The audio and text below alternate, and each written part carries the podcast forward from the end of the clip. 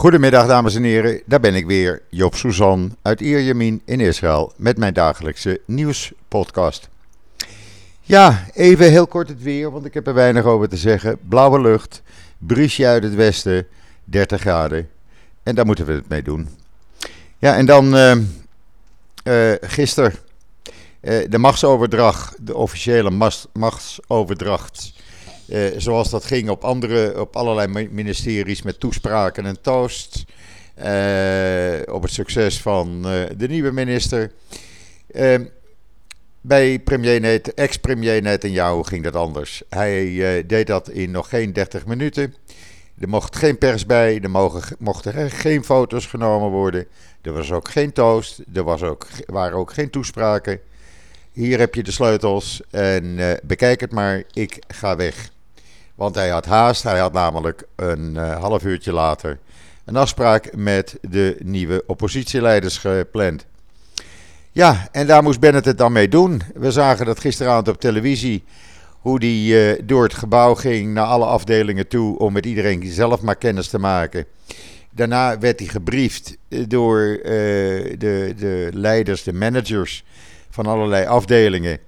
In plaats van wat normaal gebruikelijk is, dagen van tevoren al elke dag een paar uur veiligheidsbriefings en andere informatie. Nee, hij moest het allemaal maar zelf uitvinden, want jou had daar geen zin in. Nou, dat heeft hij dus gedaan. Eh, wat me trouwens opvalt, uh, deze regering, dit is de tweede dag van deze nieuwe regering. En we hebben al twee dagen lang eh, niet in de pers, niet op het uh, televisiejournaals niet op de radio, geen berichten over insinuaties, over uh, uh, andere beledigen, over nou ja, van alles en nog wat. Het is gewoon stil uit de nieuwe regering. Uh, ze zijn aan het werk en zo hoort het ook, denk ik. In ieder geval, het was, ja, het was toch wel een beetje onbeschoft gisteren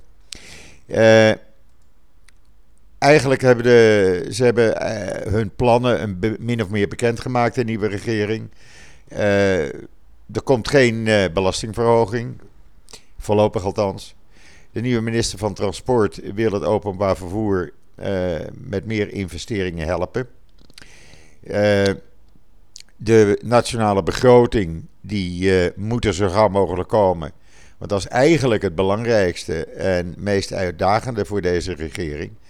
Uh, dat er een begroting komt na uh, ruim twee jaar. Uh, hoe dat zal aflopen, ja, dat is eh, ook weer een grote test. Lieberman heeft wel gezegd dat hij, ja, hij gaat het geld naar die ultra-orthodoxe gemeenschappen minderen.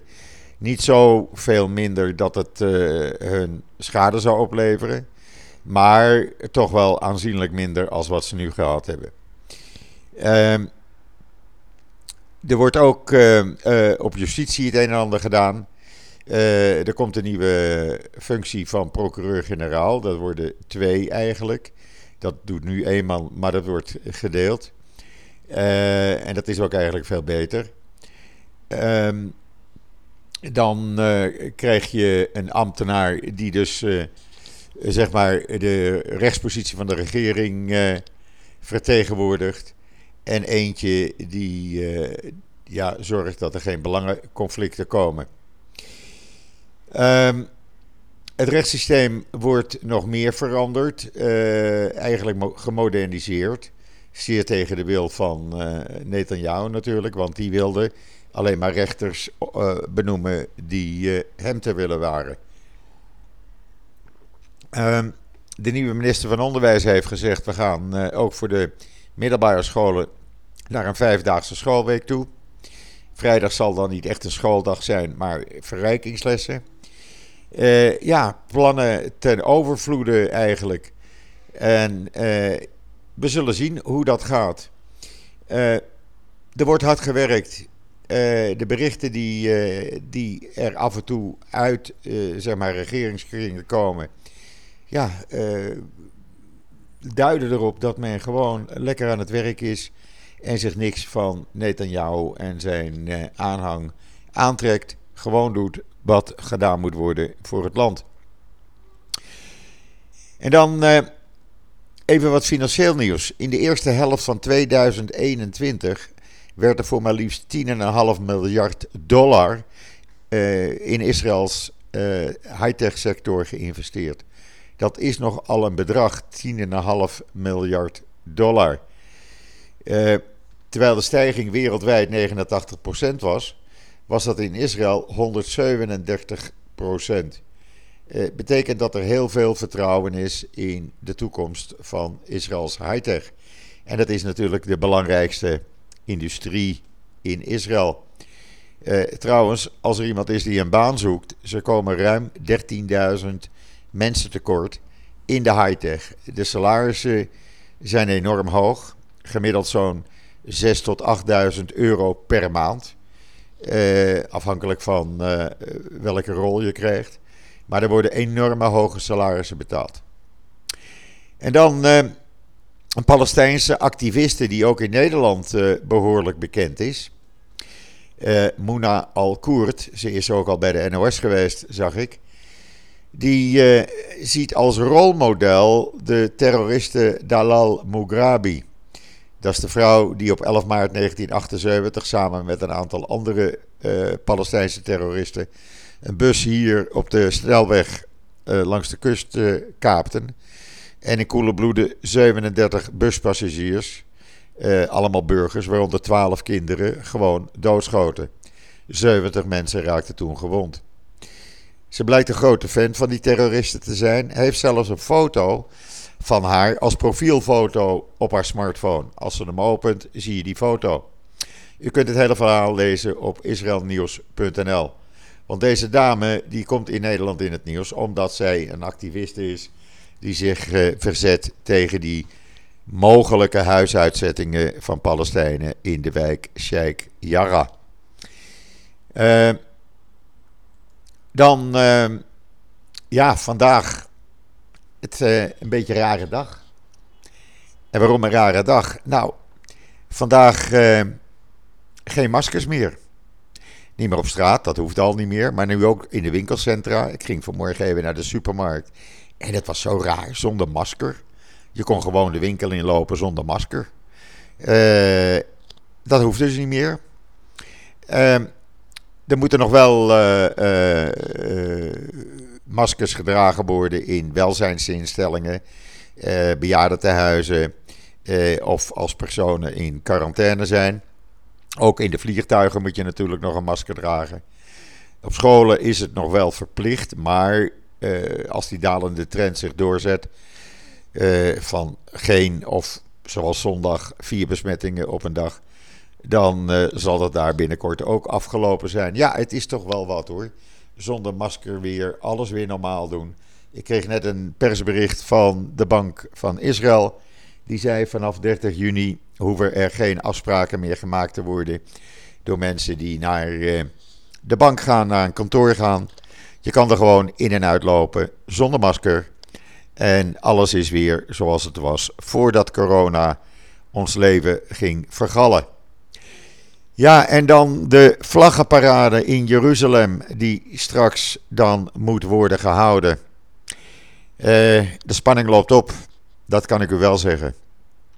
En ik hoop dat het niet op geweld uit uh, gaat lopen. Hamas dreigt daarmee.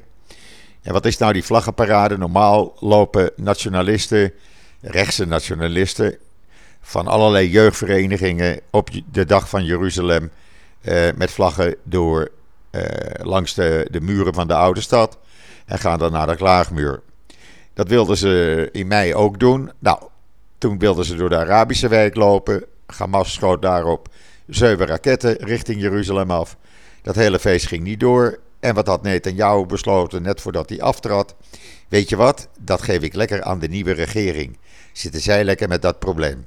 Nou, dat is hem dus gelukt. Want vandaag gaat die uh, parade door in de namiddag over een paar uur.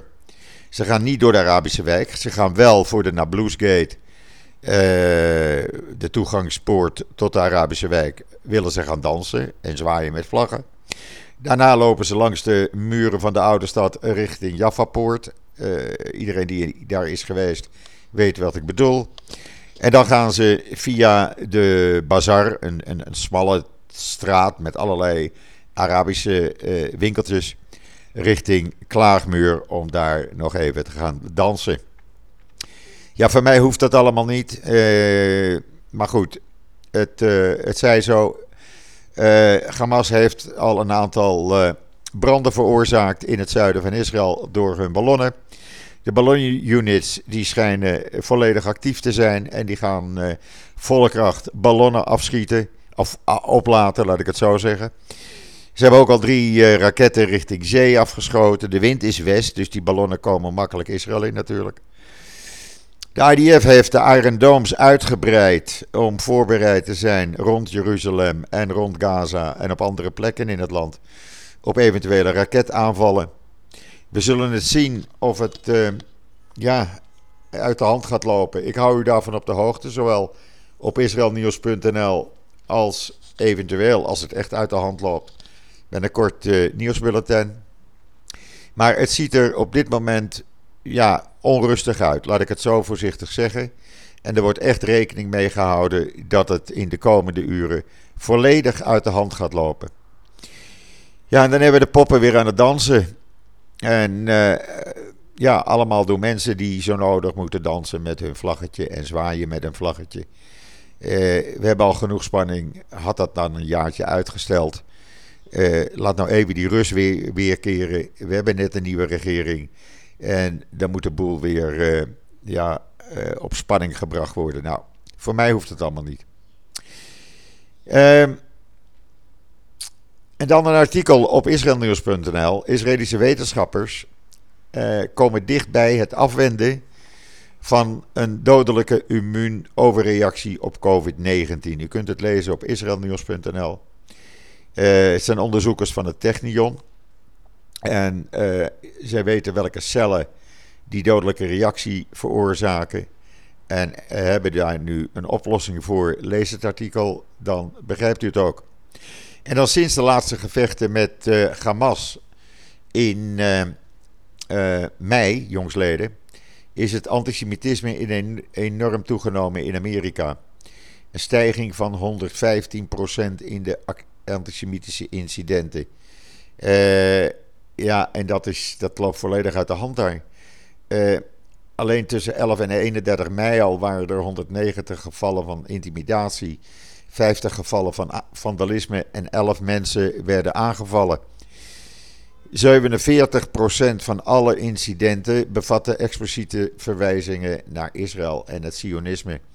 Ja, ook in Amerika zijn Joden dus niet meer veilig. En dan heeft uh, een vriend van mij, Bas Belder, vroeger lid van het Europese parlement, maar hij is officieel historicus en publicist heeft een heel interessant artikel op israelnieuws.nl gezet. Uh, dat gaat over een moslimgeleerde die het Westen lesgeeft in de oorzaken van moslim-antisemitisme.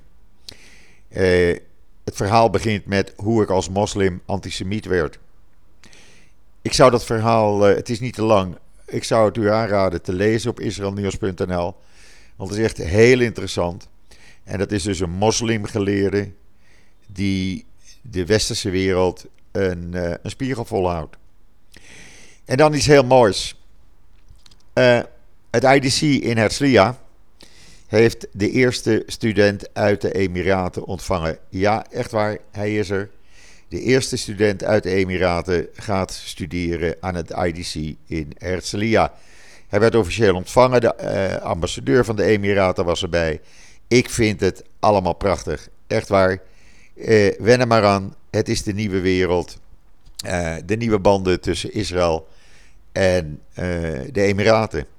En gezien de reacties uit de Emiraten op de nieuwe regering. ja, ik ben erg positief gestemd over het vervolg daarop. En het zou zomaar kunnen als deze regering lang genoeg kan blijven zitten. Dat er hele positieve ontwikkelingen ook met andere Arabische landen komen. Want er is erg veel aandacht besteed in de Arabische pers in verschillende landen, ook in Saudi-Arabië, eh, over de wisseling van de wacht en het feit dat Netanyahu het veld heeft geruimd. Dus ja, eh, positief nieuws. met uitzondering dan van de vlaggenparade. Maar nogmaals, ik hoop van harte dat dat niet uit de hand gaat lopen. Ik blijf u op de hoogte houden via israelnieuws.nl, via uh, mijn Twitter en Facebook account. Uh, dus hou het in de gaten, dan blijft u vanzelf van alles op de hoogte. Voor nu wens ik u nog een hele fijne voortzetting van deze dinsdag, de 15e juni alweer. We zitten op de helft. Ik ben er morgen weer en zeg zoals altijd: tot ziens, tot morgen.